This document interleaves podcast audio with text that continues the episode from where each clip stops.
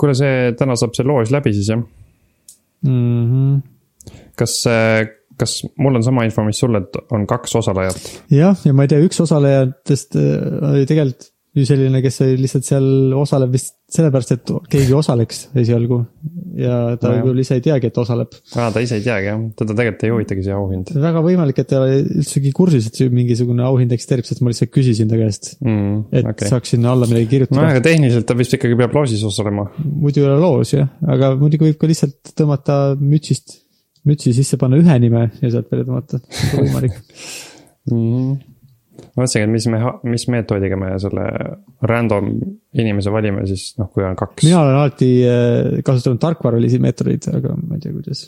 meil on äh, vanas tiimis oli selline, või see on üldse vist sihuke tavaline asi tark, äh, sihukese SRE ameti juures on Wheels of Misfortune, kus nagu mängitakse läbi mingeid stsenaariumeid, et kuidas on midagi halvasti läinud. et tavaliselt mingisugune suur outage, mis on kunagi juhtunud, siis kui uued inimesed tulevad tiimi ajapikku, siis öeldakse, okei okay,, mina olen nüüd nagu game master ja kujuta ette, et juhtub nii, mis sa siis teed. ja selle jaoks, et valida, kes on see vaene inimene, kes peab hakkama seda probleemi lahendama, siis selle jaoks äh, meil oli väga palju erinevaid meetodeid, kuidas äh, valida inimesi. lõpuks keegi kirjutas sihukese programmi, mis oli sihukene suur wheel, mida sai brauseris tõmmata ja nimed sisse panna, et oleks nagu päris aga ma tegin alati, ühesõnaga kirjutasin väikese programmi, ühe, üherealise programmi, mis valis nimesid. see kõlab nagu mingi selline mm, sissejuhatus programmeerimisse, et ja. kirjutada programm, mis valib random'ilt mingi listist ühe asja. jah, random'ilt valib listist ühe, üheelemendilisest listist asja see oleks olema suht lihtne programm. no kindlasti on sada erinevat viisi, kuidas seda kirjutada. jah, sa võid ju proovida, kas sa oskad, Henno, kas sa oskad programmeerida?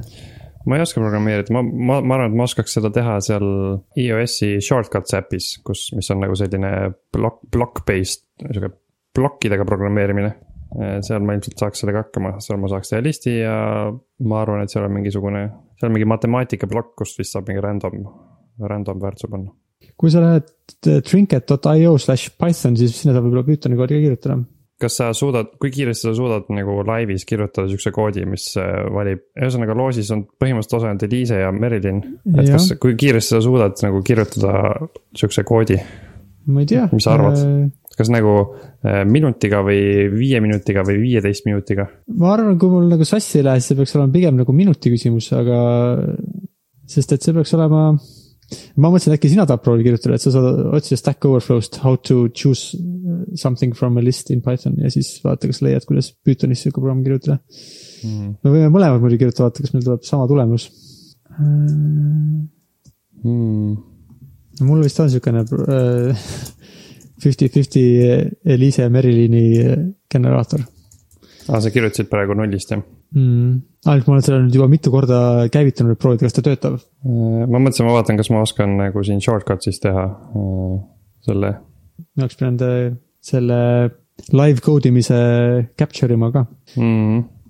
aa, ma, ma tegin juba valm-, ma tegin, pidin valima kaks asja, ma pidin valima list, sihukese ploki ja siis, ja siis get item from list ploki. siis seal ma sain, viimases ma sain valida, et, et ta valiks lihtsalt random asja, nii et ma sain ka valmis selle. ma saan teha niimoodi, et see oleks ka nagu natuke kuulda siin, oota, vaatame. nii, ma tegin sihukese test asja. panin random, ma panin listi mind ja sind ja siis ma tegin sihukese asja, et ma saan küsida Siirilt niimoodi. Who's the best? Heno. Kuulsid või? Heno is the best tuli välja jah, aga küsime uuesti. Who's the best? Heno hmm igatahes ma sain ka valmis. huvitav, kas me peaks tegema nagu mingi äh, mitu korda, et ükskord sinu omaga, teinekord minu omaga. ja mis me siis kokku saame sellest? ja siis äh,, no siis, kui tuleb kaks korda sama, siis on see võitja, kui tuleb erinev, siis teeb see.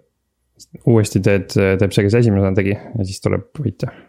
okei okay.. Või mis sa arvad, kuidas on aus? ahah, sul on selline päris lihtne kood. Import random, kas see tähendab, et ta siis impordib kuskilt mingi random funktsiooni või? Äh, Siukse moodul jah, random on siukene, vaatasin, et see on siuke random punkt choice. Äh, random on sihuke suvaliste, suvalisuse moodul Pythonis. ja choice valib siis äh, sellest listist ühe elemendi okay.. niisugune mugavusfunktsioon. ma siis näitan sulle enda programmeerimistulemust ka. Sa näed sellist, seda programmi, millega mina, millega mina programmeerin nii-öelda mm.. Who gets the pin? List, Eliise, Merilin. Scripting, get random item from list, scripting, show, item from list kas tundub selge? mm. -hmm. aga arusaadav on küll jah, ma, ma usun, et see, mis sa oled sinna kirjutanud, ma ütleksin, et see tundub, et ta peaks ausalt valima. okei okay., ma sinu oma kohta ütlen ka, siin ei tundu, et ma ei näe, et sa oleks siin kuidagi salaja kirjutanud mingi koodi, mis eelistab ühte. kui sa seda ra- random, random choice asja ise muidugi ei kirjutanud ja see ei ole mingi custom made, siis ma arvan, et see on aus. okei okay,, mis meil siis nüüd äh, reeglid on? me mõlemad käivitame oma valikusüsteemi, mis teeb ühe valiku ja siis, kui on sama valik, siis nii on, kui on erinev valik, siis mis me teeme uuesti või? kui on erinev valik, siis ma arvan, et võiks nii teha, et näiteks sa teed esimesena. sul tuleb üks valik, ma olen teisena, mul tuleb üks valik. ja kui on erinevad, siis teed sina uuesti. okei okay., ma arvan, et, ma arvan, et see on piisavalt aus. okei okay,, proovime nii. või ma teen esimesena. sa teed esimesena, aga vajuta hästi kõvasti seda nuppu, mis selle käivitab, siis sa saab seda nagu panna podcast'i sisse ka, on kuulda, et sa käivitasid selle. mul on nüüd pandud hiire, hiir õigesse kohta ja ma löön vastu seda hiire nuppu siis ah, kuulsin. äh,. Merilin, nii, okei vastus. ja ma, ma siis käivitan oma shortcut'i. Who gets the pin? Marilyn. noh, tundub, et, Tundub, et- on otsustatud. see on otsustatud jah. palju õnne äh, võitjale, oli küll väike, väga väike võimalus, aga, aga õnnestus võita. jah, palju õnne, Merilin. sa võitsid endale märgi. They don't understand. Hanno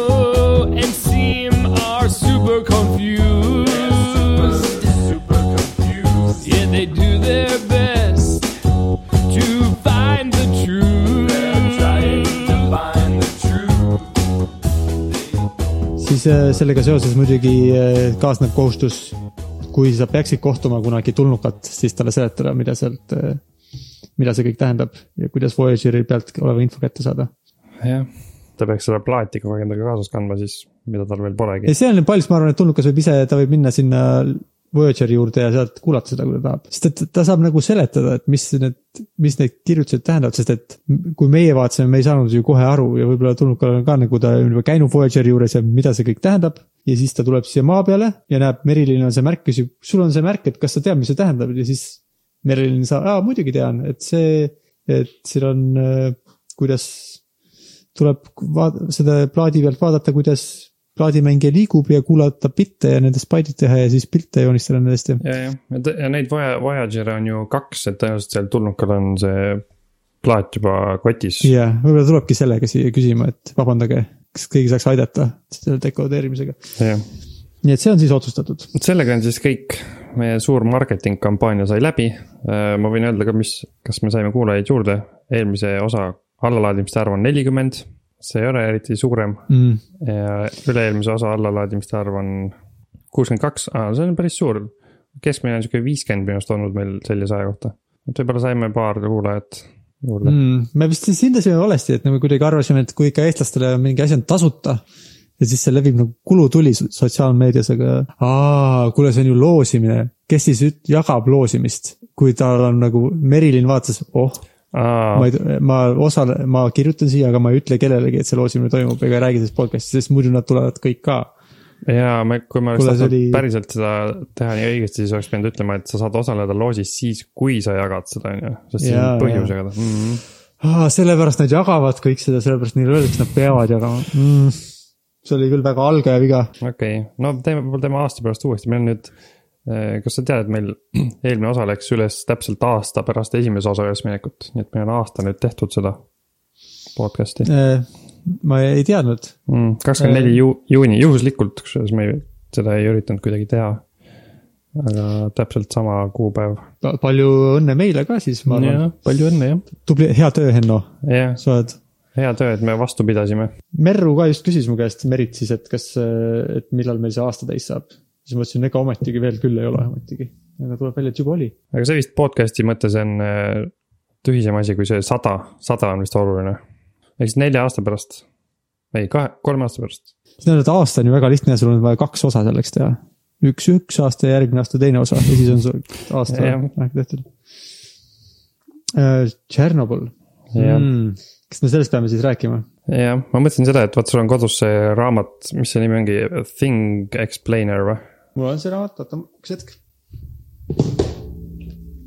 mul on see raamat nüüd siin käepärast, kas siin on midagi, peaks selle, selle kohta kirjas olema ei,? ma ei tea, tegelikult ma tahtsin sulle öelda, et, et teeks sulle siukse challenge'i, et ütle, et räägi nagu selle raamatu stiilis eh, paari lausega, et eh, kuidas, mis seal Tšernobõlis juhtus, aga mõtlen, et äkki seal raamatus isegi on kirjas, kuidas tuumajaam töötab või?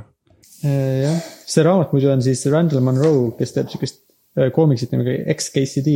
kas ta on siuke nohikute koomiks vist parasjagu, võiks ta öelda? tundub nohikute koomiks. ja ta ütleb, siuke kriipsujukusid ja räägib mingist teadusest ja arvutitest, aga ka armastusest ja siukestest asjadest nagu. ta on siuke romantiline nohik võib-olla, ma oleks öelda. aga siis tal on siuke raamat Thing Explainer, kus äh, ta selgitab keerulisi asju, kasutades ainult kümmesadat kõige tavalisemat sõna inglise keeles. kümmesadat sellepärast vist, et tuhat ei ole üks nendest sõnadest, mis ta peab, vist on ten hundred on tal vist kirjas Mm. aga vaatame, mis siin on kas saad lihtsalt mingi hea näite sealt ka lugeda, et milli- kuidas see nagu kõlab? no ma, ma loen praegu siit seda sisu korda ja siin on näiteks shared space house. kas seda on shared space house? mm,. Shared space house. See on International Space Station siis. aa, aa muidugi, aa space selles mõttes, ma mõtlesin, et nagu ruumimaja, aga jah, okei. Skyboat with turning wings Mm, Turning wings või? mm. -hmm. kas see on lennuk või? see on helikopter. aa, okei, turning wings, okei okay.. Writing sticks kõlab nagu pastakas mm. -hmm. pastakad ja pliiatsid jah mm.. ja sihukestest asjadest ta seletab ja tal on sihuke nagu, sihuke nagu pildid joonistatud ja tekstid ka, aga ma, nuclear midagi, nuclear bomb on Oh. machine for burning cities. Mm. no eks see on vist suht keeruline ülesanne, mida ma tahtsin sulle anda, sest et sa pead eesti keeles rääkima sellest, mis Tšernobõlis juhtus. ja ühtlasi äh, kõige tavalisemate, kasutades Jah. lihtsaid sõnu Jah. ja mida ma eesti keeles ma muidugi ei tea, mis on lihtsalt sõnad. no ja ma mõtlesingi, et sa peaks ilmselt tunnetuslikult lihtsalt, vältima võõrsõnu üldse eesti keeles on keeruline just rääkida sellest, üldse tuumaenergiast. ja tuumaenergia esiteks ei ole ilmselt lihtne sõna, ei ole jah, selle jaoks peaks mingi muu sõna välja mõtlema keeruline mingi kombinatsioon sõnu peaks selleks vist olema. mm. -hmm, nagu mingi väikeste tükkide jõud, väikeste tükkide jõumaja. jah, tüki, tükid ei ole hea sõna, midagi oleks tükkide jaoks oleks nagu parem. asi on lihtsam võib-olla, asi, aga see on liiga üldine, et kuidagi peaks nojah. väikeste, kas osa, osa, osake on vist ikka liiga või osake, ta on muidugi nunnu, osake on nunnu sihuke nagu, oota see osake. sa võid, sa võid nagu rääkida just nunnude sõnadega siis. ma ei teagi ise, kas ma üldsegi tean, mis seal juhtus nii.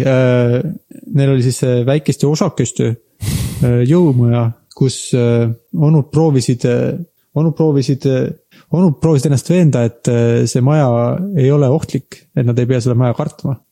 Sest et äh, nad ei teadnud, mis juhtub siis, kui äh, see maja, majast läheb jõud ära.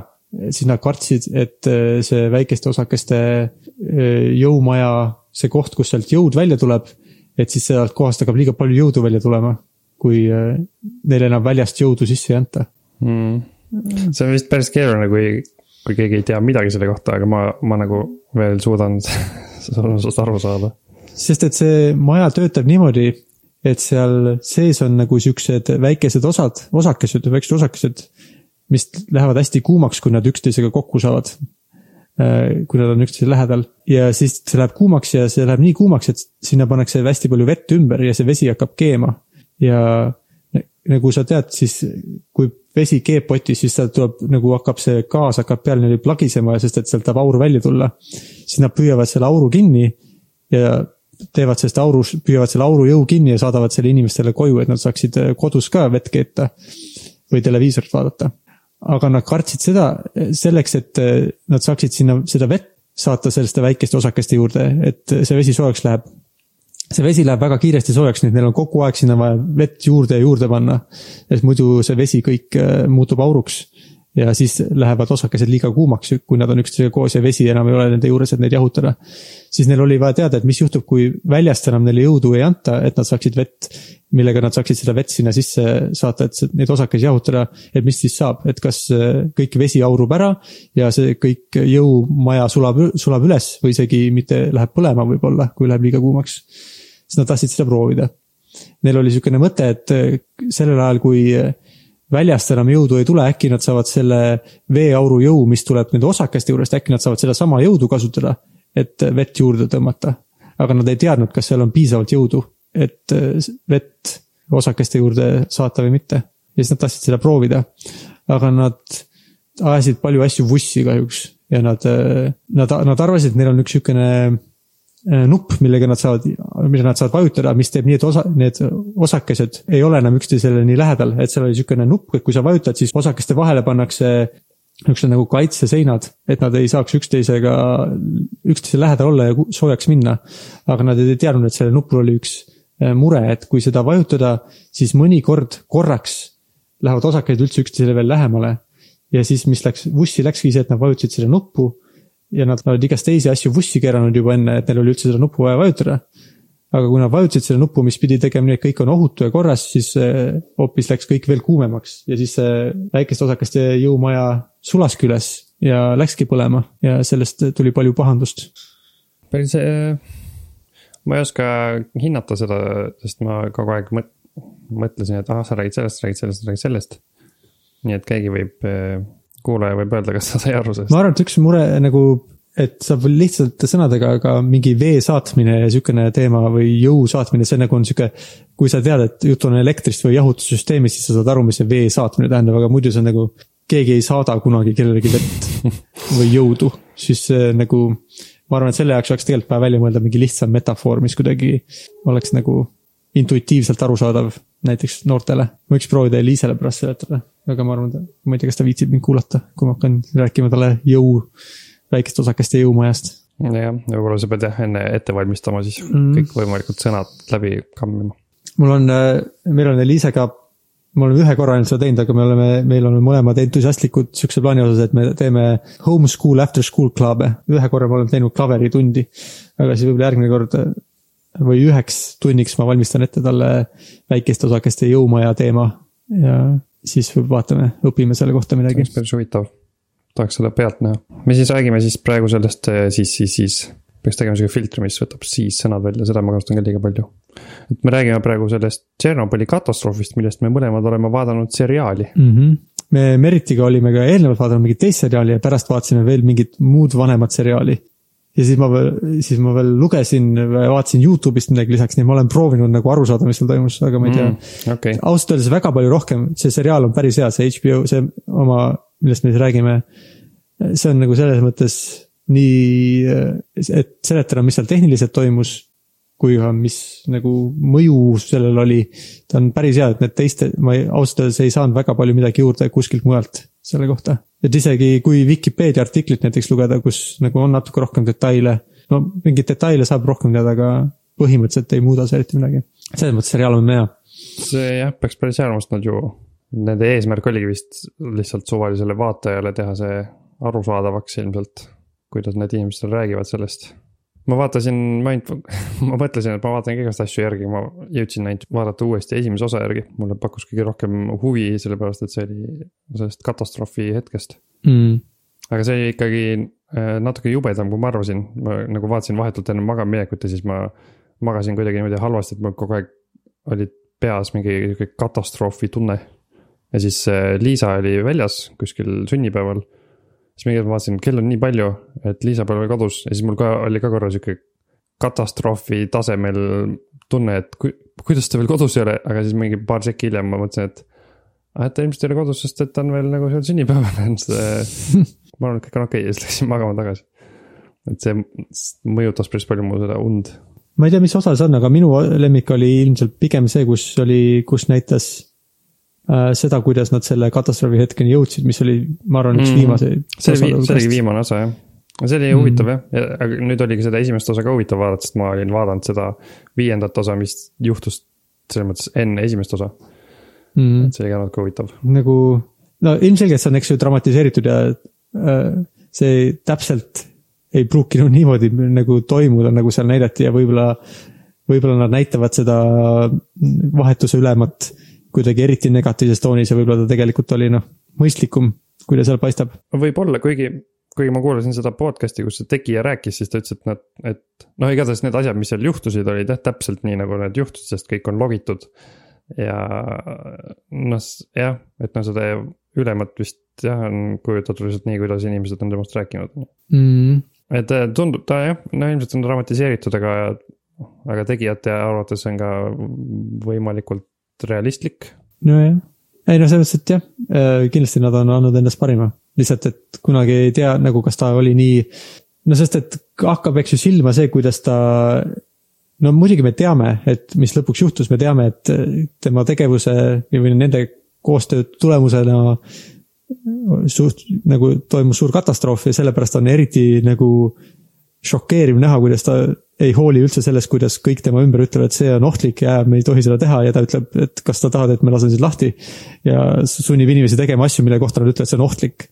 jah, et see on nagu šokeeriv, aga samas üks asi vist on see, millest no seal ei ole nagu väga palju juttu, nad on juttu sellest, et kuidas see põhjustas katastroofi ja võib-olla kohtuprotsessi osas oli ka natuke, aga see, et kuidas, kuidas kõik põhimõtteliselt tegelikult teadsid, et neil on alati see AZ5 nupp, eks ju, mis peaks selle jaama välja lülitama mm. -hmm. ja kuidas kõik olid täiesti veendunud, et see nupp on täiesti ohutu ja töötab nagu kiiresti. ja kellelegi, keegi nagu see oli täiesti nagu hoomamatu, et see nupp võiks põhjustada veel suurema katastroofi. ja noh, et selles valguses võib-olla on natuke arusaadavam, miks ta tundis, et ta võib nagu, et nad võivad selle jaama siin selles või teises suunas äh, nagu talle parameetrite väliselt opereerida, sest et neil on alati see nupp olemas, nad teavad, et see alati töötab ja see on nagu lolli, lollikindel lahendus. ja kusjuures sellega seoses üks asi ka, mis oli nüüd, kui ma vaatasin seda esimest osa uuesti, oli huvitav, oli see, et kui ma eelmine kord seda vaatasin, siis äh, mõtlen, äkki me peaks rääkima ka inimestele, kes absoluutselt mitte midagi ei tea mitte millestki, et. põhimõtteliselt see üks tüüp, kelle nimi on Djatlov, kes oli sihuke vahetuse ülem. Tema ülesanne oli teha üks eh, ohutustest selle jaamaga, nagu sa rääkisid nende väikeste sõnadega mm. -hmm. teha sihuke ohutustest, et mis juhtub, kui jaam ei saa enam elektrit. kuidas nad saavad toime tulla selle reaktoriga. et põhimõtteliselt mure oli eks ju see, et kui näiteks mingi äh, ameeriklased ründavad või on mingi, et ja väljaspoolt jaam enam elektrit ei saa, see tähendab, et nagu elektrivõrk on maas, et jaam ise töötab. et neil on selle jahutamiseks on vaja kogu aeg vett sinna pumbata ja kui nad ja probleem on selles, et kui elekter läheb ära, siis neil vist läheb need diiselgeneraatorid lähevad tööle, aga nende käibamiseks läheb minut aega aega mm. -hmm. on niimoodi midagi sihukest oli jah, jah minut oli. ja ühe minuti jooksul on neil vaja kuidagi jätkuvalt seda reaktorit jahutada, muidu ta võib üles sulada mm. -hmm. ja ja nad põhimõtteliselt tahtsid testida, kas nad saavad sellesama reaktori inertsist loo-, noh, reaktori loodud energiat visata tagasi nagu vee näol sinna peale, on ju, põhimõtteliselt või? nii palju, kui mina aru saan, siis niimoodi need jaamad töötavadki ja lihtsalt selle konkreetse nagu seal, mis Tšernobõlis oli ka vist mingi neli reaktorit või mitu seal oli nagu mitu tükki. ja ainult lihtsalt selle ühe puhul ei olnud seda kunagi testitud või seal test ei olnud kunagi töötanud mm.. sest et kogu aeg oli midagi. noh, et selles mõttes, et, et, et see ei olnud nagu, et nad proovisid midagi uudset teha, see oli lihtsalt nagu see, kuidas see reaktor oli välja mõeldud, et ta peaks töötama, aga nad ei olnud kunagi lihtsalt selle konkreetse isendi puhul ei olnud see õnnestunud. võib-olla seepärast nad kiirustasid või tegid midagi, noh eks nad kõik oli muidugi natuke käsitöö ka, et see ei ole nagu, et oo, meil on siin reaktorite tehas.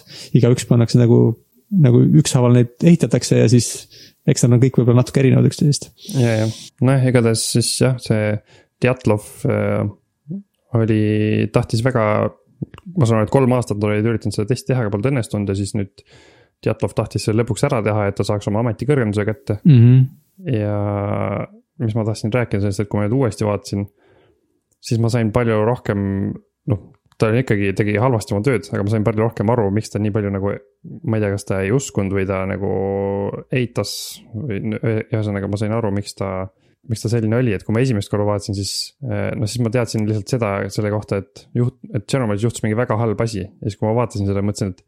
Et miks see tüüp nagu nii kindel on, et miks ta nagu nii eitav on selles suhtes. selle ohu suhtes siis? jah, jah, selle ohu yeah. suhtes või, või et üldse, et päri-, et juhtus see, mis juhtus, vaata ta seal eitas. ühesõnaga see, reaktor lendas õhku, on ju, kogu see reaktor plahvatas mm. -hmm. ja siis see, kui ma esimest korda vaatasin, siis kõik ülejäänud olid umbes sihukese suhtumisega, et ei, see ei ole võimalik, et noh, sa eksid. jah, ja nüüd ma, nüüd ma saan rohkem tast aru ka võib-olla, sest ma olen selle kohta nii palju äh, infot saanud. Et kui, kui segane see oli, et, et see üldse sai juhtuda.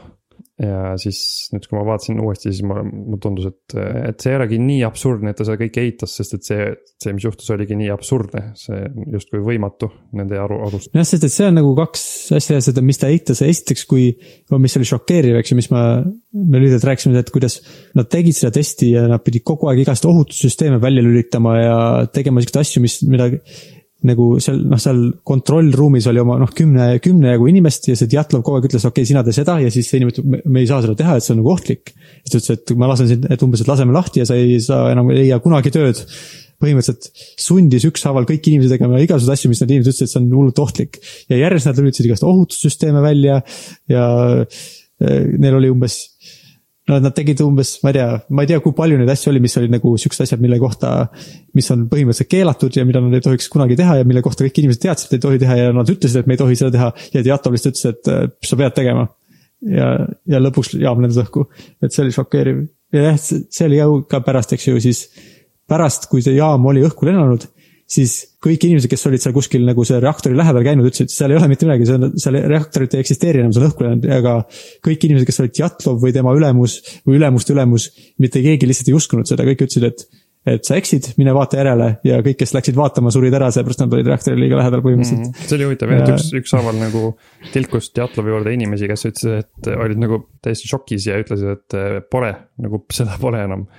ja ja siis Djatlov lihtsalt nullis kõik need ära ja siis need inimesed eh, läksid, tegid mingeid mõttetuid asju kuskil reaktori juures, jah, nagu sa ütlesid, vaatasid sinna sisse ja eh, läksid, ma ei tea, kontrollroode käsitsi kuskile lükkama, aga kontrollroode polnud enam lihtsalt olemas. ja mitte ainult siis Djatlov, vaid Djatlovi, ma ei tea, kas see Djatlov oli mingi vahetusülem ja mingi ja ühtlasi vist mingisugune peainsener. aga siis ka selle jaama direktor. kogu aeg ja mõnikord isegi mõned siuksed kogenud inimesed, kes olid ka seal, ütlesid, et kuule, seda reaktorit ei eksisteeri enam ja siis kõik ütlesid, kuidas on võimalik, et see tuumajaam plahvatab ja keegi ei osa- ja kui keegi sellele küsimusele vastata nagu ei osanud, kõik ütlesid, et see ei ole võimalik, on ju, aga ta on plahvatanud. siis, et noh, et sa, sa oled iseendaga vastuolus ja, ja ilmselgelt ta ei plahvatanud, sest et see ei ole võimalik ja keegi, kuigi pidevalt olid need inimesed, kes ütlesid, et et ma tulin reaktori ruumist, seda ruumi enam ei ole. või no kas just pidevalt, aga mitmed, siis lihtsalt mitte keegi ei uskunud seda ja see Nõukogude Liidu äh, kõige ülemiste kihtideni välja kõik, keegi ei, ei teadnud, ma ei tea, kui kaua aega nad siis ei teadnud, rohkem kui päeva vist ei teadnud, et oli plahvatanud see reaktor. kõige rohkem kahju mul oli ühest tüübist, kes eh, kutsuti öösel tööle, mingi päevavahetuse üks töötaja. kes siis käis, mõõtis, no seal üks huvitav asi oli see, et nad mõõtsid oma dosimeeter, kas on eesti keeles dosimeeter see või? mm. -hmm, vist küll, kõlab õigesti. mõõtsid siis dosimeetriga radiatsiooni taset ja siis eh, kõigepealt tuli vastuseks, et kuus koma kolm. ja siis muidugi see tüüp, kes ütles, ütles ka, et aga ühtlasi see on nagu maksimum, mida see asi suudab mõõta. ja selle, kõik hakkasid sellest numbrist kinni, nagu nad, keegi ei kuulnud põhimõtteliselt seda, et see on maksimum, sest noh, Mhm. ütleme kolm, kolm koma kuus oli vist. Et kolm koma kuus okei, see on palju, aga see ei ole väga hull, see oli see, jah, mida kõik bossid ütlesid, et okei okay,, see on, see on halb, aga see ei ole midagi hullu. kuni Gorbatšovini välja, eks ju, kui põhimõtteliselt, aa, okei okay,, polegi väga hull. ja keegi vist ütles ka, et, et, et ma saan aru, et see on umbes nagu üks äh, röntgeni, röntgeni pildi kiiritus. ja siis hiljem see teadlane ütles, et tegelikult see on nagu nelisada röntgeni kiiritust ja nagu väga palju järjest ja midagi siukest.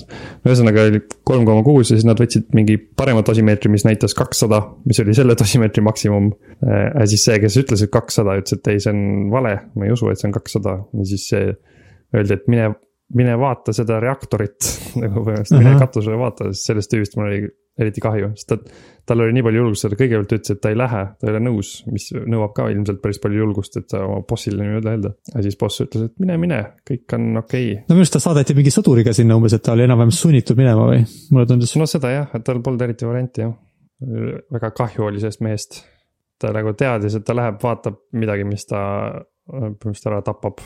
Ja siis oli ka kahju, kui tal oli, näitas sihukest stseeni, kus ta oli tagasi oma bosside juures ja siis nad karjusid ta peale, et ilmselt nad ei uskunud ikkagi ikka veel, mis tal, kuigi ta nägu oli äh, nagu põhimõtteliselt punane. üldse seal sihuke nagu Nõukogude Liidu sangarite äh, kuidas, no ma ei tea, kas see on nagu normaalne asi, mida öelda, aga no umbes seal oli küllalt palju inimesi, kellest, kes olid nagu tõesti nagu tegid asju, mis nad teadsid, et äh, okei okay,, et see tõenäoliselt äh, mi- minust elulooma pärast seda ei ole, aga nad tegid neid asju ikkagi, kuigi noh, eks neid sunniti ka omajagu seal, aga mitte nagu ainult, nagu kõige huvitavam olid vist need äh, kaevurid, kes kaevasid seal selle, ühesõnaga see reaktor oli üles sulanud ja see tuumakütus, mis reaktoris oli, liikus nagu vaikselt maast allapoole ja oli oht, et ta jõuab põhjavette ja siis see nagu võib kõik väga-väga suure maa-ala nagu ära mürgitada. siis mingid kaevurid saadeti sinna alla kaevama, et nad, mida nad sinna alla tegema pidid, nad pidid, põhimõtteliselt tegid sa niisuguse nagu radiaatori, põhimõtteliselt radiaator, mis viib siis äh, vedela lämmastiku abil, võtab selle kuumuse sealt äh, ja viib selle nagu mujale vist mm.. okei okay,, ta jahutas nagu seda reaktori alt maapinda nii-öelda, et see või, või seda betooni, mis seal all oli Ah, vist. betoon jah, et see betoonist, et betoon ära ei sulaks. et siis ta nagu, et see püsiks seal sees, see äh, tuumakütus. ja nemad vist nagu suht-koht teadsid suures osas, et äh, see on nagu, kui ohtlik see on. Ja päris paljud neist vist ka hukkusid või noh, kiirituse tõttu vähemalt nende elud olid kahjustatud, aga nad ikkagi tegid seda. ja või need, või siis need kaks tüüpi sarnane mure oli, kuidas, et kui see tuumakütus, et seal oli vist, see oli juba varasem, kuidas, et see tuumakütus võib jõuda mingisugusesse veebasseini. Ja et kui ta sinna kukub, siis ta on nii kuum, et kõik see vesi aurustub koheselt koos selle tuumakütusega. Ja siis nagu toimub veel üks veel suurem plahvatus kui see, mis enne oli toimunud. kuna vesi aurustub nagu hetkega, siis on põhimõtteliselt see on plahvatus on ju. jah, ja siis see viib see tuumakütuse nagu veel suurema nagu sihuke tuumapilve tekitab sinna, mis veel ohtlikum on ja veel suuremale alale. siis äh, kuidas mingid akvalangistid seal olid, kes läksid seda mingit kraane kinni keerama või lahti keerama, et see vesi sealt välja saada. See oli minu jaoks üks väga siukene nagu emotsionaalne või nagu väga, mulle väga hästi töötas see stseen, kus nad olid seal ruumis ja neile öeldi, et okei okay,, et et oleks vaja nagu, et keegi teist läheks ja siis nad olid, oh miks me peaksime minema umbes, et äh, see on nii ohtlik. ja siis äh, kuidas see, mis selle tüübi nimi oligi, kes neid siis veenis? Äh, kohe ütlen, selle tüübi nimi oli Boris Sherbina või midagi sellist. aa, Sherbina jah, ta oli mingi sealt ministrite mm, kogust, mingi minister. noh, sihuke nagu poliitik inimene, poliitik ühesõnaga, aga kui enne prooviti neile seal rääkida seda, kuidas nad saavad mingit pensioni selle eest, et nad lähevad. nelisada rubla saavad ja jah, midagi kuidas keegi ja kõik, mis asja, et see on nagu eluohtlik, et miks ma peaksin siukest tegema, kuidas siis see poliitik nagu oma pol- poliitiku oskusi kasutas ja nagu luuleliselt rääkis sellest, kuidas. no ma ei tea, kas luul- luuleliselt on õige, mõne nagu mõnes mõttes nagu otse, otsekoheselt ütles, et miks on vaja. et põhimõtteliselt, et keegi peab seda tegema ja teie olete ainsad, kes oskavad seda teha ja kui te seda ei tee, siis inimesed surevad, et. et äh, keegi meist ei taha siin olla, aga põhimõtteliselt me peame siin olema ja, ja siis kuidas nagu inimesed said aru, et okei okay,, et, et nüüd on minu kord on põhimõtteliselt olla nagu kangelane ja äh, võib, või, või võib-olla ma ei tule sealt elusalt tagasi, aga seda on vaja teha. et see oli sihuke, see oli huvitav jah, sest noh, esimene lähenemine oli nagu, et äh, nagu üritasid kellel, kellelegi põhimõtteliselt midagi müüa. Mm -hmm. aga teine variant oli, et, et te olete ainsad inimesed, kes saavad seda teha ja meil on teie abi vaja nagu. Mm -hmm. ja et keegi peab selle tegema, sest et see on lihtsalt, see on nii tähtis. ja nad olid ainsad inimesed, kes saavad seda teha, sest nemad teadsid neid mingeid torusid ja asju, mis, mida oli vaja track ida, et õigeid kraane keerata lahti on ju. ma ei tea, kas nad kõik elavad tänapäevani, aga nad ei. Ja võib-olla neil oli mingi tervisekahjutus oli, aga nad vist selles mõttes, et kuigi arvati põhimõtteliselt, nad elavad paar nädalat, tegelikult elasid aastaid ja aastaid pärast seda, et. et tuleb välja, et see vesi oli seal piisavalt hea isolaator, püüdis nagu suure osa seda kiirgust kinni, nii et nad ei saanud nii tohutult suurt kiiritust seal, kui. jah, see oli huvitav, sest kui nad sinna läksid, ma mõtlesin, et nad surevad enam-vähem kohe ära, aga nad tulid välja ja siis neile anti, pärast ma lugesin, neile anti Pepsi eh, tänutäheks, nad said juua. ja jah, nad vist jäid ellu jah. Mm, kas peaks midagi sellest ka rääkima, mis seal äh, reaktori sees töötas, kas sa sa- said sellest äh, Akimovi seletusest aru, miks see reaktor plahvatas siis? Akimov oli siis mingi teadlane seal, eks ju, kes nagu juhtis seda, tea, kes vist äh, nagu alustas seda, mitte Akimov äh,. sa mitte mõtled, Akimov jah, ja Legasov jah, Legasov, Legasov, mitte Akimov. oli siis jah, see tüüp, kes juhtis seda päästeoperatsiooni või seda asja. jah, siukse teadusliku poole pealt või ütleme, kes esi, kes oli see, kes veenis üldse inimesi, et ei, teil ei ole reaktorit ja see on juba plahvatanud. jah, ta oli jah see, kes luges põhimõtteliselt mingi paberi pealt vist, et on kakssada on see radiatsioon. vist oli nii ja siis ta mingil koosolekul, kus kõik juba olid öelnud, et okei okay,, see on kõik kontrolli all, siis ta nagu ütles, et kuulge, tegelikult on probleem on natuke suurem mm. -hmm. ja siis, siis hakkas see, siis nad läksid sinna selle, selle poliitikuga ja hakkasid seda koristama Mm -hmm. Äh, aga et mis seal siis juhtus, jah, ta seletas selle viimase osas, ma seda nüüd ei vaadanud üle, aga minu arust põhimõtteliselt oli siis niimoodi, et eh, nad viisid selle reaktori eh, selle jõudluse liiga madalale. mis tähendab, et ta oli vist nagu ebastabiilne, on ju. noh, kui ta läheb liiga külmaks nii-öelda, kui ta enam ei ole piisavalt kuum, siis vist, vist kogu aeg, kui see reaktor töötab, ta, see, kuna seal on see tuumakütus, siis see tuumakütuses ained lagu-, nagu see uraan, mis seal on, laguneb. ja üks asi, milleks ta laguneb, on vist ksenoon, jah, mis on mingi sihuke gaas või? vist jah. ja äh, muidu, kui see küt-, nagu jaam on kuum, siis see ksenoon põleb ära seal põhimõtteliselt seal äh, kambris ja siis ta ei tekita mingit probleemi. aga kui ta on külm, siis selle ksenooni koguneb ja ksenoon nagu ka vesi ja muud asjad, mis seal reaktoris on, nagu aeglustab seda reaktsiooni. nii et kui ta läheb külmaks, siis tuleb sinna veel rohkem ksenooni ja rohkem ksenooni teeb selle veel külmemaks. nii et siis on nagu väga raske sellest olukorrast välja tulla, et see ksenoon nagu Nad nimetavad seda, et see nagu mürgitab ära selle ksenooni mürgitus on jaamal, põhimõtteliselt mida peab vist tegema, on ootama kakskümmend neli tundi, kuni kogu ksenoon on äh, äh, muutunud veel mingiteks järgmisteks elementideks lagunenud ja siis saab proovida seda aeglaselt uuesti alustada äh, normaalses olukorras. mm. -hmm. aga, aga neil oli vist siis nii, et nad viisid selle liiga madalale, selle vähendasid seda, mis nad ühesõnaga, mis nad tegid, nad panid vist need tuumajaamas on siuksed, on uraanivardad, mis on siis need, kui nad on üksteisele lähedal, siis nad pommitavad üksteist nende äh, neutronitega ja siis see nagu reaktsioon kiireneb ja läheb aina kuumemaks ja uraan aina laguneb. aga seal on ka kontrollvardad, mida saab sinna vahele lükata ja kontrollvardad on mingist materjalist, mis siis justkui blokeerivad nende neutronide põrkumist. jah, et need nagu neutronid ei saa ühe varda juurest teise juurde lennata ja siis see reaktsioon aina aeglustub ja siis nad jahtuvad maha, ühesõnaga vardad. ja vist nad panid need vardad sinna sisse, et ta nagu temperatuur väheneks, siis nad tahtsid selle katset teha nagu madalal temperatuuril, ma ei mäleta, mille pärast täpselt. Tjatovil oli vist mingi idee, et miks see on hea, aga põhimõtteliselt nad te- tegid väga madala temperatuuri ja siis kogunes sinna ksenoon, mis tegi niimoodi, et see aeglustus veelgi, sest see ksenoon nagu ka kontrollvardad vähendas veelgi seda reaktsiooni kiirust, nii et põhimõtteliselt see reaktor nagu läks nulli enam-vähem. et ta enam ei töötanud. ja siis, et seda temperatuuri tõsta, sest et neil oli ikkagi vaja, et see nagu töötaks, et nad saaksid proovida selle nagu selle turbiini energiaga seda äh, jahutussüsteemi käigus hoida, neil oli vaja, et ta ikkagi töötaks.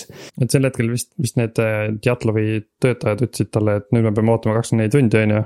ja siis Djatlov ütles, et ei, pange see uuesti käima põhimõtteliselt kohe. põhimõtteliselt jah, kuigi see oli umbes nagu textbook, et asi, mida ei tohi teha. ja selleks, et selle käima panna, nad tõmbasid põhimõtteliselt kõik vardad uuesti välja, sellepärast et nüüd oli seal see ksenoon, mis äh, nagu hoidis seda reaktsiooni nii palju kinni, et nagu isegi kui nad kõik vardad välja tõmbasid, siis ikkagi see jaam ei läinud väga kuumaks. ta oli ikkagi suhteliselt külm. Mm -hmm. Nad tõmbasid vardad välja ja kuna ta oli külm, siis vist see vesi, mis seal oli, oli ka, seal oli väga vähe veeauru ja vee ja vesi ka nagu aeglustab seda reaktsiooni, nii et seal oli vesi, mis aeglustas reaktsiooni ja ksenoon, mis aeglustas reaktsiooni, aga vardad olid välja tõmmatud.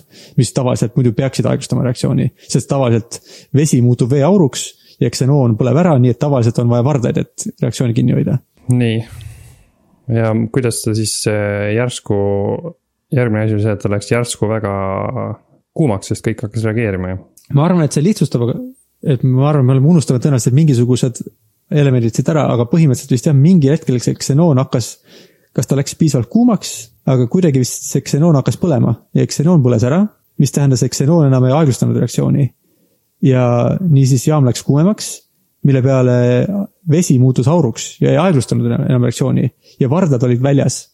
nii et mitte miski põhimõtteliselt ei aeglustanud reaktsiooni et ta nagu läks ühe hetkega nii reageerivaks kogu see keskkond seal kui võimalik. no et see, ta põhimõtteliselt on nagu sihuke eksponentsiaalne reaktsioon, et ta ei ole nagu ühe hetkega, aga ta on nii, et ta nagu, nagu iga, iga sekundiga läheb kaks korda kuumemaks või niimoodi, et ta nagu eksponentsiaalselt, et alguses on külm, siis natuke soojem, natuke rohkem soojem ja siis aina kiiremini ta läheb aina kuumemaks, et ta on sihuke nagu hüppeline reaktsioon. et mõnes mõttes neil on natuke aega, aga ta on nagu ütleme, kui iga sekundi tagant, neil oli seal mingi näidik, mis iga sekundiga, siis ta hüppas, nii et alguses oli kakskümmend, nelikümmend, sada, ma ei tea, kolmsada ja siis ta nagu läks see number aina suuremaks niimoodi, aina kiiremini Mm -hmm. ja sel hetkel nad siis otsustasid, see oli vist Akimov, kes otsustas vajutada AZ5 nuppu. jah, kui see vist see näidik, mis näitas, mitu vatti see genereerib, oli vist juba ma täpselt ei mäleta, kui palju, aga noh, ta tavaliselt peab olema vist mingi kolm tuhat kakssada või midagi see on sellist. vist ja, kus on selle, selle reaktori nagu see ette nähtud. Kus ta nagu maksimaalne piir, kus ta võib opereerida, on vist midagi aga sellist. siis see vist ilmselt oli juba läinud nagu mitmekordselt üle sellest, kui ma õigesti mäletan. jah, aga siis neil oli sihuke nupp nimel AZ5 nimeline nupp, kui ma õigesti mäletan. suur punane nupp ju. Ja neil oli isegi tegelikult neid nuppe oli mitu, aga see AZ5 oli see kõige kangem ja kõige nagu ohutum nupp, mis põhimõtteliselt, kui sa seda nuppu vajutad, siis kõik need kontrollvardad, mille nad olid välja võtnud, mille jaoks nad pidid vaigistama igasuguseid ohutussüsteeme, sa ütlesid, et sa võtad liiga palju vardaid välja, et jaam ei ole oht-, jaam on ohtlik. aga nad kõik, see Djatlov siis ütles neile kogu aeg, et, et võta välja, muidu laseme sind lahti. põhimõtteliselt see AZ5 nupp eh, surub kõik vardad sinna, põhimõtteliselt sinna jaama, sinna tuumareaktori sisse, nii et, et need vardad peaksid, mis reaktsioon seal toimub, peaks kohe nagu seisma jääma. ja siis on kõik korras ja päev oli päästetud ja Akimov ütles huh, see oli napikas ja me ei, ja keegi ei teinud kunagi seriaali Tšernobõlist, sest et seal ei juhtunud mitte midagi. aga Henno, mis tegelikult juhtus?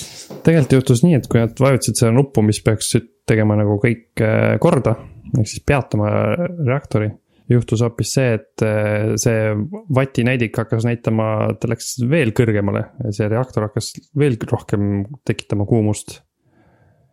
ja oota, aga miks ta siis plahvatas, mis, kas seal tekkis mingi veeaur või? liiga suur või mis seal juht-, miks ta plahvatas, et ta läks väga kuumaks põhimõtteliselt seal on vist mitu teooria, üks teooria on, üks kindlasti plahvatas see vee nagu süsteem, jahutussüsteem kindlasti plahvatas. Aga vist on ka arutelu, vähemalt Vikipeedias on juttu sellest, et võib-olla seal toimus koguni nagu väike tuumaplahvatus. mis see, mis see tähendab siis? no see on nii nagu tuumapommis, et kui tuumaelektrijaamas pannakse nagu uraan, uraani need siuksed vardad üksteisele lähedale, et nad läheksid kuumaks mm. -hmm.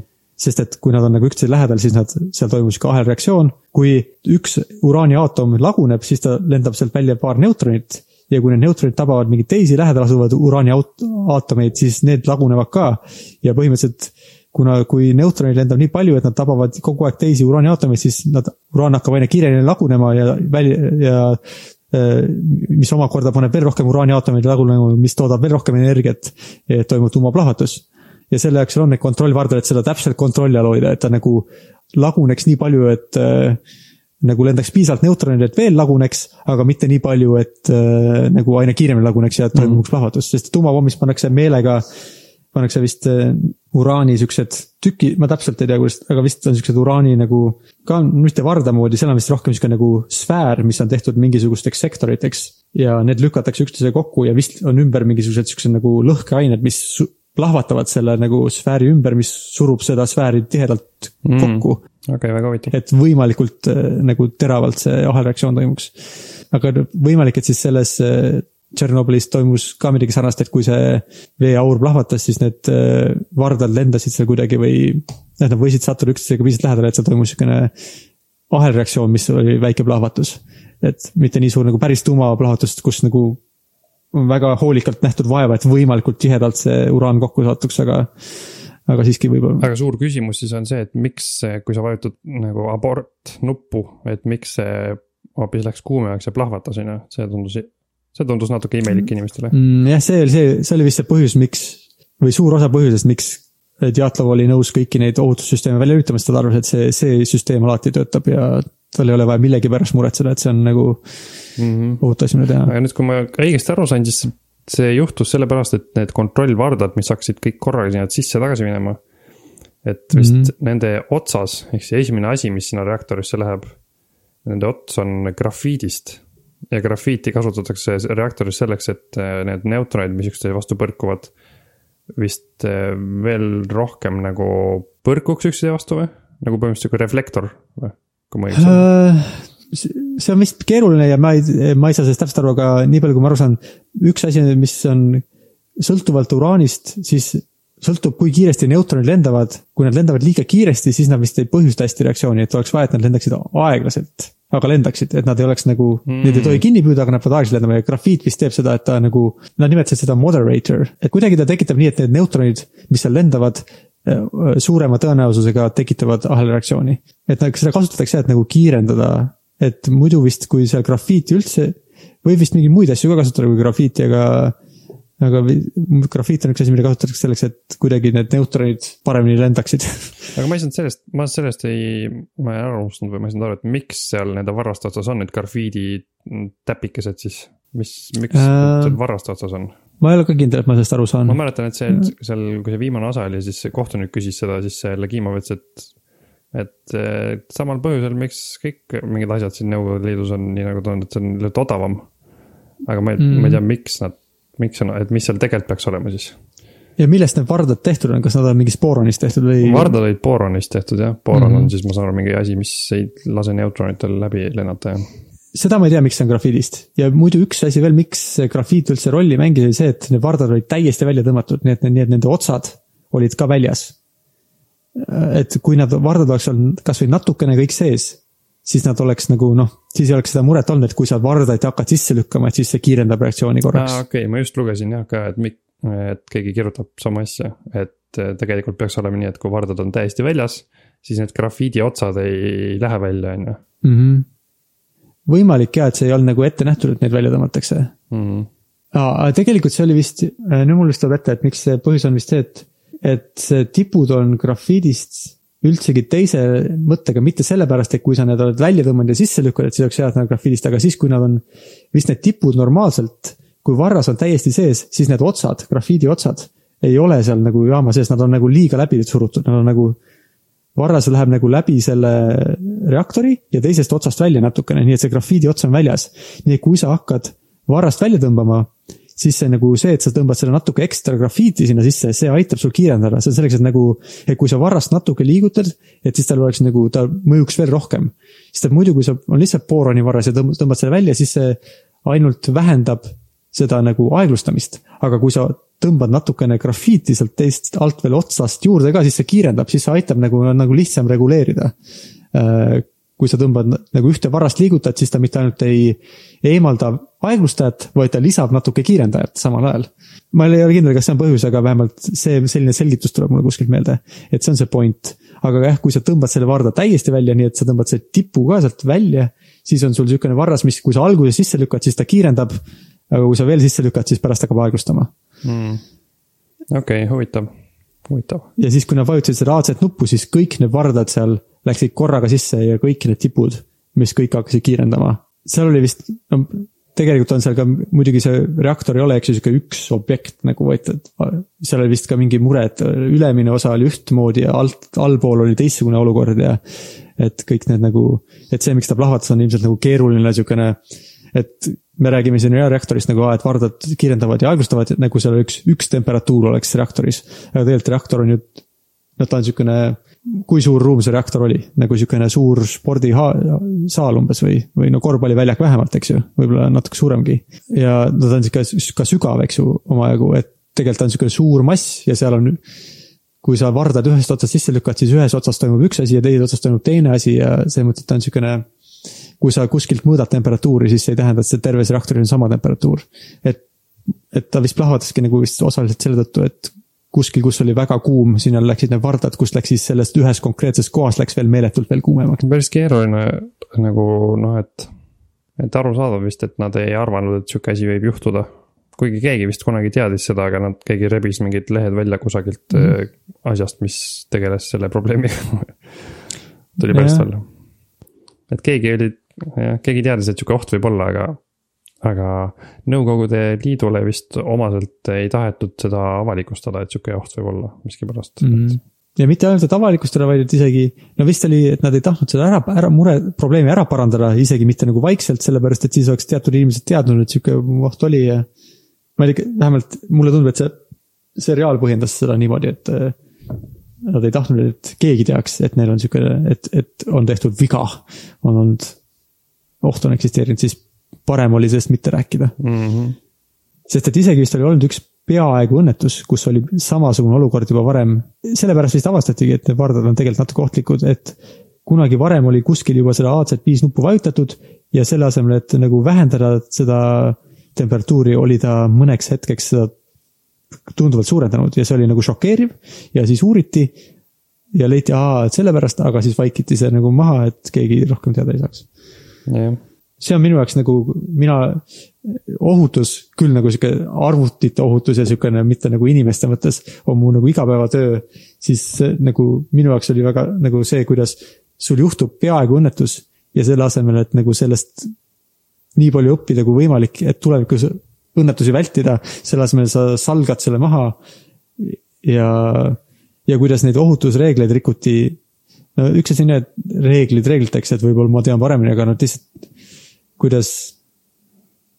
no et nii, isegi oma mingisuguste serverite ja mingisuguste tarkvaraga, mida ma jooksutan, ma, ma ei oleks nagu nii hoolimatu, ma arvan, et.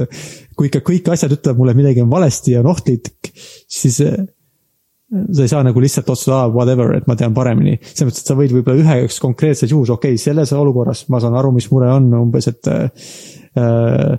ta väidab, et see on ohtlik, ma saan aru, miks ta väidab, et see on ohtlik. Aga ma tean, et praegu on tegelikult sihuke eriline olukord ja me võime sellest nagu me, me võime otsustada teistmoodi, sest me oleme intelligentsed inimesed. aga kui sul on nagu, ma ei tea, kümme erinevat asja, mis on nagu ohtlikud väidetavalt ja sa igaühe kohta lihtsalt otsustad, ah, whatever, whatever, whatever. siis kuidas sa saad oma peas nagu see, see nagu süsteem on nüüd sihukeses olukorras, kus ta ei ole kunagi varem olnud, sul puudub igasugune kogemus, kuidas selline süsteem, kus kõik ohutussüsteemid on välja lülitatud ja kõik parameetrid on imelikud. kuidas sihuke süsteem peaks nagu koos töötama ja sa lihtsalt nagu ma saan aru, kui sa ühe ohutussüsteemi välja lülitad, sellest ma võin aru saada, aga kui sa, kuidas keegi saab viis tükki, see on mulle kui professionaalile nagu uskumatu ja šokeeriv. et alati mina tahaks, et oleks mitu ohutustaset. Isegi sihukestes süsteemides, kus inimelud ei ole nagu ohus, kus on lihtsalt nagu. inimesed on pärast kurvad, kui nende arvutid ei töötanud aga, aga seal ei olnud neil mingit muret kõik need süsteemid välja lülitada. sihuke tunne natuke nagu Djatlov unustas ära, et see on tuumajaam ja ta mõtles, et ta peab lihtsalt mingi asja ära tegema, et oma kõrgendust saada, ametikõrgendust saada. et ta lihtsalt mm -hmm. unustas ära, mis, ta unustas ära, mis majas ta on selles mõttes, et ta teadis, et see võimalus, et see jaam plahvatab, on imeväike, et ta vist arv, nagu mingi üks miljonile või mis iganes nojah, et ta, et ta, ta vist arvas, et kui, siis plahvatab mingisugune veepaak, on ju, mida ta arvaski, et ju, mis ta arvas, et juhtus mm. -hmm. kõik arvasid, et juhtus, sest noh, kunagi, kunagi ei ole plahvatanud ükski reaktor, sest keegi ei ole nii palju lolle otsuseid teinud nagu järjestikku. aga noh, selles mõttes, et üks on jah, et kui väike võimalus, aga teine asi on, kui suur risk, mida nagu, mida jah, nagu tundub, nagu sa ütlesid, et ta ei, ei mõelnud, et isegi kui see on üks võimalus miljonile kui see üks võimalus miljonile on, et miljon inimest sureb näiteks, siis äh, nagu, et kas, siis see tähendab see, et kui sa selle riski võtad, siis on nagu sa oleksid, no ma ei tea, kas see statistika täpselt töötab, aga nagu sa oleksid täiesti hoolimatult ühe inimese praegu ära tapnud, et see on nagu, et kui sa võtad riski, mis on üks miljonile, et ta tapab miljon inimest, siis see on nagu iga kord, kui sa selle riski võtad, see on nagu sa äh, ei hooliks ühest inimesest mm. -hmm. seal sarjas ma vaatasin seda os osa uuesti, siis ma nägin ka, kuidas see, ma ei tea ilmselt mitte keegi ei tea kunagi, kas Djatlov tegi nii, aga ta vahepeal käis kuskil vaatamas. käis ringi ringi, siis nägi, et, nägi aknast, et need grafiiditükid vedelevad kusagil mm. -hmm. see oli nagu, see on nii konkreetne sihuke detail seal sarjas, et ma ei tea, miks nad seda oleks pidanud sinna panema, et kas ta tegelikult ka käis ja nägi ja pärast ta rääkis, et ta nägi või. aga ühesõnaga siis, kui sa näed, et grafiiditükid vedelevad kusagil, siis peaks olema täiesti sada protsenti kindel, et reaktor plahvatas mm. -hmm. et ma mõtlen, et et huvitav, kas ta tegelikult teadis, mis juhtus, aga ta lihtsalt miskipärast nagu täielikult eitas ja valetas iseendale ka edasi või ta ei saanud aru, et see on grafiit seal ikkagi. et seda ma ei, sellest ma ei saa aru täpselt. et ma ei saa aru, kui palju ta nagu eitas teadlikult, et ma tean, et see on tegelikult hullem, aga. aga ma ei taha, et see oleks päris ja ma ei taha sellega tegeleda või kui palju ta tegelikult ei saanud aru, mis toimus seda ma ei tea jah, see Djatov on üks neist vähestest või no kas just vähestest, aga nendest, kes eh, elasid selle katastroofi üle, eks ju, kes mm -hmm. olid sel päeval jaamas, aga pärast elasid. ta suri vist ju nüüd eh, kas isegi kahe tuhandendatel aastatel kunagi, eks ju vist, selles mõttes, et ta veel kümneid ja kümneid aastaid elas. et võimalik, et ta on sellest rääkinud aga ma ei tea, kuidas me teada saame. jah, ja ma ei tea, kui palju ta on sellest tõtt rääkinud, sest isegi seal kohtuistungil ta midagi ütles, et no ma ei tea, ma olin vetsus mingeid siukseid asju.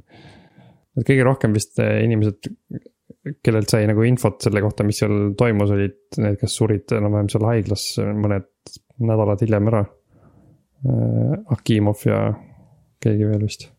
mis sa muidu sellest arvad, et see sari on niimoodi tehtud, et need inimesed, kes seal räägivad, räägivad eh, briti inglise keeles, mitte vene keeles. kuidas, kuidas sa nagu reageerisid sellele, kui sa nägid seda sarja esimest korda, mis see, ma ei mõelnud sellele hetkekski ausalt öeldes, et nad räägivad. aa, sa ei kordagi mõelnud sellele, et aa huvitav. ei, okei okay., ma tean üldse, kui ma vaatan mingeid filme või seriaale, siis ma, mind tavaliselt ei häiri siuksed mingid äh,. ma kuidagi lähen sellesse sisse ja hakkan uskuma üsna lihtsalt asju. ma, mind ka ei häirinud see üldse, ma noh, nii palju häiris, et ma panin seda tähele nagu kohe alguses. Siis ma korraks pidin mõtlema, mis värk on, aga ma sain aru, et okei okay,, nad on teinud otsuse, et nad ei tee mingit vene aktsenti, nad ei tee vene keelt, nad teevad lihtsalt inglise keelt. ja see podcast on muidu huvitav, kus see mm, tegija, looja, sarja looja räägib äh, erinevatest asjadest, et ta seal rääkis ka, et mis mul meelde jäi, et üks põhjus oli see, et esimene põhjus oli see, et need äh, näitlejad, kes nad valisid, et nad, palju raskem on näidata, kui sa pead mingit vene aktsenti tegema. Ja siis ta nägi, kuidas see kohe ei tööta nii hästi ja siis teine asi on see, et ta, mis minu arust on hea point, on see, et kui sa seda vaatad, siis sa näed nagu äh, vähemalt meie, kes on sihukeses keelekultuuris, nagu me oleme. et sa vaatad inimesi, kes räägivad omavahel nagu tavalised inimesed, et siis oleks natuke teine asi, kui sa vaatad inimesi, kes räägivad nagu vene aktsendiga kogu aeg. või kui nad, või isegi kui nad vene keeles räägiks, siis sul ei oleks võib-olla nii hea vaadata seda, et kuidas need inimesed nagu omavahel tõenäoliselt üksteisest aru said, vaata Mm -hmm. et selles mõttes on noh, vähemalt minu jaoks on see väga hea otsus, ma arvan. et nad on nagu tavalised inimesed, kes räägivad omavahel tavalist keelt, ehk siis mis meie jaoks on inglise keel, paljude inimeste jaoks on sihuke tavaline keel, millest kõik saavad aru. ma arvan küll jah, et võib ju vabalt teha siukseid, et kui, et ta ei pea olema nii, kas keegi siis ütleks, et seal peavad kõik vene keeles rääkima, sellepärast et selle, mis keeles nad rääkisid. et olulisem on vist nagu, oleneb, mida sa tahad saavutada, aga kui sul on olulisem, et inimesed saaksid hästi aru, mis seal toimus, siis ega keegi ju ei arva seda vaadates, aa, seal on nii palju ingliskeelseid inimesi oli seal jaamas. nojah, see on nii ilmselge nagu äh, mm, tootmise selline otsus, et keegi, ma arvan jah, kedagi selles mõttes ei häiri see. või keegi, vähemalt vaatamise ajal, kui sa juba hakkad vaatama ma proovin siin, proovisin leida, kas Djatlov nägi grafiiti või ei näinud, Redditis on selle kohta, kohta inimesed arutavad. keegi ütleb, et ta väidetavalt nägi, aga samas mingis intervjuus ta ütles, et ta ei näinud üheksakümne kolmandal aastal näiteks. võib-olla siis on teada, et ta kõndis kuskil, kus seda sai näha ja on ilmselge, et ta vaatas öö, oma jaama ja et on võimatu, et ta ei näinud seda lihtsalt sellel põhjal, et kus ta asus ja kuhu ta sai vaadata. jah, ma ei tea, siin mõned inimesed räägivad, et Djatlov tegelikult ei väitnud, et see ei plahvatanud. et see on fiction ja ma ei tea. eks muidugi Tšernobõlist on tegelikult see, et see lugu, mis nad räägivad, on see, et nad on, nad on muidugi te teinud endast parima, et rääkida äh, lugu, mis nad arv-, selline, sellest nii, nagu nad arvavad, et see päriselt juhtus.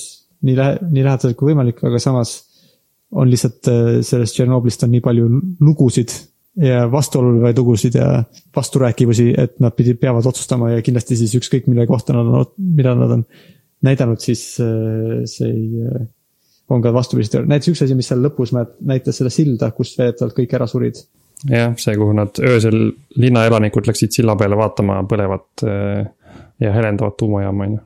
Mhm, et väidetavalt, et see vist on äh, sihuke linnalegend, et, et seal silla peal kõik surid ära. aga see, mis seal filmis oli, et it is reported that everybody died, et see on õige, sellepärast et inimesed on, see on sihukene asi, mida inimesed räägivad. Aga vist pigem arvatakse, et seda päriselt ei juhtunud, et seal ei olnud, et seal kõik, kes selle silla peal olid, ei surnud ära. kindlasti ei ole see nagu sihukene fakt, mis oleks nagu paika pandud või Mm. mis oleks nagu okay. kindel. aga no, aga see legend on päriselt, et seal kõik surid ära ja it is reported for sure. selles mõttes, et nad, nende sõnavalik oli sihukene, et, et nad kindlasti ei valetanud, aga võib-olla jäi sihuke, võis inimestele jääda mulje, et see on nagu reaalsem, kui ta võib-olla päriselt on. mm. -hmm. no nad, see legend vist räägib, et mitte, et nad surid seal silla peal ära, vaid nad surid hiljem ära, on ju, sest nad olid otse. jah, ja et kõik et põhimõtteliselt kõik hukkusid selle tuumamürgituse tõttu, mis nad said sealt. Mm -hmm. see oli vist kilomeetri kaugusel sellest jaamast, kui ma õigesti mäletan. see oli minu arust üks sihuke nagu üks ebameeldiv stseene. sest kui meil selles seriaalis, kuna seal on tuumaõnnetus, siis seal on ikkagi inimesi, kes on viga saanud ja mida on vastik vaadata. Aga üks neist sihukest ebameeldivatest stseenidest oli ka see, kus need lapsed seal naeravad ja tantsivad ja, ja siis selle reaktorist tulnud tahm lendab seal ja nendele näkku ja nad mingi rõõmsalt tantsivad seal, siis see oli sihuke oh,, jah, jah, see, see oli ka üks stseen, mida ma nüüd uuesti nägin, see oli. üldse kogu seda esimest osa oli natuke raskem vaadata, kui ma arvasin, ma mäletasin, et see oli nagu huvitav ja jube. aga see oli nüüd, kui ma uuesti vaatasin, see oli ikka kaasa arvatud see stseen jah, kus sa tead, et need lapsed tantsivad nagu surmava tolmu sees. aga nad ei tea Mhm. seda, see on. ja kuidas üks see mees võttis just oma beebit välja oma, oma kärust, võttis sülle, et ta saaks paremini vaadata ja sisse hingata, nojah, ta nagunii ta juba hingas selle sisse. jah, see oli üldse, kui ma hakkasin, kui mina hakkasin seda seriaali, seriaali vaatama, siis alguses mul oli sihuke väga murelik tunne, et kui, kui nagu, kui väga ma nüüd vaatan kogu aeg seda ja mul on halb olla. Aga lõppkokkuvõttes ikkagi väga palju seda ei olnud minu meelest, oli jah, see esimeses osas olid siuksed mõned südantlõhestavad stseenid ja paar siukest veidike groteskset stseeni. Ja vist teises osas, kus nad olid seal haiglas, olid mõned nagu stseenid, kus oli, inimesed ei näinud väga head välja, mida oli üsnagi halb vaadata. Mm -hmm. aga pärast seda enam eriti oli üsnagi sihuke psühholoogiline ja kuidas see nagu, või noh, kuidas organisatsiooniline või ma ei tea, kuidas, et kuidas inimesed selle probleemiga tegelevad mm. -hmm. oli nagu ja see oli huvi, see oli lihtsalt huvitav ja nagu va- vaimustav ja mõnikord nagu segadust tekitav, aga äh, mitte nagu eriti, et nagu ei olnud üldsegi nagu halb vaadata, mida ma alguses kartsin, et see on äkki kogu aeg ainult inimesed surevad ja äh, veritsevad, aga Jah. ei olnud ei olnud jah nii halb. mis sa siis Henno arvad nüüd, kas tuumaenergia on väga halb või üldse, kas sa, see, ma olen kuulnud, et inimesed, et mõned inimesed on mures, et eh, nüüd see seriaal on inimestele asjatult tekitanud tuumaenergia hirmu. kuidas sul on eh, sinu tunne tuumaenergia osas? minu arust see mingit hirmu ei tekitanud vist üldse juurde, nagu pigem lihtsalt äh, oli hirmus, et mis kunagi juhtus, aga see kuidagi. mul vist sellega eriti ei seostu, et kas tuumaenergia on, tundub mulle nüüd jubedam või mitte. ma, ma täpselt ei teagi, mis mu, mis mu seisukoht on, kas seda peaks kasutama või mitte. kui mõelda nii, et see on väga efektiivne, siis tundub, et jaa, igatahes ei tekita häid gaase. aga kõige tüütum tundub see, et tekib vist meeletus koguses reo, reovett, mida peab kuskil hoidma ja kas ma olen õigesti aru saanud või? ma ei ole ka hullult kursis. vist on ma- nagu see jahutusvesi vist nagu, see on ju tohutult ra- radioaktiivne pärast seda, kui ta on sealt läbi käinud. võib-olla ma olen valesti aru saanud, igatahes mingit asja peab nagu kuskile, kuskil hoidma, mis on umbes kakskümmend neli tuhat aastat radioaktiivne. Ja seda. ma olen teadlik sellest, ma ei tea, et, et vesi oleks see asi, ma tean, et see tuuma nagu see kütus ise on selline, kütus ise, et aga mis see kütus ise on, mis, millest see koosneb siis, ongi ura-, uraan, uraanist või? tavaliselt nad vist on erinevad, aga uraaniga ei tavaliselt, stooriumiga vist tehakse ka mingeid reaktoreid. aga aga see tuumakütus siis ei kulu ära, vaid lihtsalt ta käib seal sees ja pritsib neid neutroneid ja siis mingi hetk need neutroneid enam pole seal ja siis tuleb see ära panna või? Äh, nii, mis seal siis toimub, selles mõttes, et see on uraaniaatomid, eks ju, on siuksed vardad, mis on uraanist. ja iga kord, kui üks neutron tabab, siis uraan lahustub mingiteks teisteks aatomiteks, aa, okei ta läheb pooleks, nii et seal tekib mingeid teisi aineid. ja need ained on ka üldiselt reaktiivsed ja üldiselt ka lahustu-, lagunevad mingiteks järgmisteks asjadeks. ja lihtsalt, kui see nagu tükk aega toimub, siis on, kui suur osa uraaniaatomitest on ära lagunenud, nii et seal enam nad nagu neutronitel ei ole enam väga palju uusi uraaniaatomeid, mida tabada või ei ole piisavalt palju neid, et see, siis see kütus nagu muutub vähem efektiivseks ajapikku Aa, ja okei. siis mingi hetk on vaja, aga sul siis on sul, sul vardad, mis koosnevad nagu igasugustest erinevatest elementidest, sealhulgas uraanist. väga radioaktiivne ja väga erinevad äh, ained on seal sees, mitte ainult uraan siis lõpuks, vaid ka muud asjad. aa, et põhimõtteliselt neid Äh. vardaid, kasutatud vardaid tuleb kuskile siis panna? Äh, jah, ma tean, et on olnud moodsad reaktorid, mis näiteks väidetavalt on nii, et nende vanade reaktorite kütus, mis on nagu jäätmed, on olemas nüüd näiteks moodsad reaktorid, mis võivad nende nii-öelda jäätmeid edasi kütusena kasutada.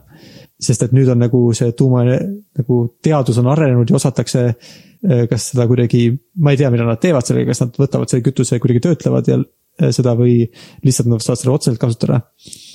aga et see vist, aga see jäätmetega, jäätmete probleem kindlasti eksisteerib, et neid on lõpuks vaja kuhugi viia.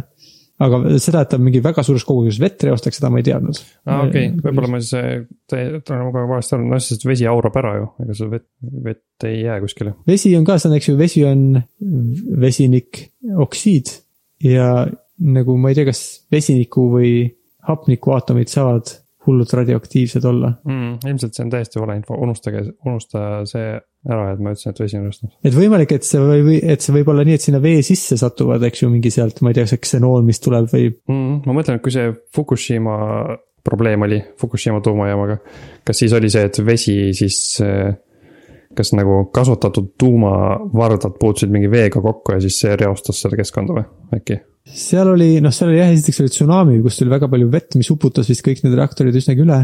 Nad olid küll vist tehtud nii, et nad ei oleks, neil olid nagu siuksed containment vessel'id või nagu siuksed, et kui, et, et kust kütus ei pääse välja ja muud asjad ei pääse sisse. aga kuna neil jahutussüsteemid vist kolmel neljast reaktorist ei töötanud lõpuks erinevatel põhjustel, siis vist kolm reaktorit neljast, mis neil olid, ma ei, ma ei tea, kas ma mäletan õigesti, aga igatahes ühesõnaga jah, see tuumakütus vist nii nagu Tšernobõliski äh, pääses sealt äh, oma kodust välja ja hakkas ringi voolama ja võimalik, et ka reostas mingit vett seal jah. ja võib-olla, et see vesi ka lekkis. okei okay., aga see vist ei ole nii ette nähtud ja et see ei ole nagu nii, et aa, et neil ongi seal mingi suur radioaktiivse veepaak, vaid see oli seotud sellega, et see kütus pääses välja sealt äh, sellest oma kodust, kus ta peaks tegelikult ohutult olema. noh, igatahes ma siis äh, ütlen uuesti, mind see sari selles mõttes ei hirmutanud, et ma kardan tuumaenergiat nüüd rohkem, sest et see on ikkagi üsna harv vist, kui midagi juhtub ja tõenäoliselt vist kaalub nagu, plussid vist kaaluvad teiste energiaallikate miinused üle, ma olen aru saanud, päris mitmekordselt.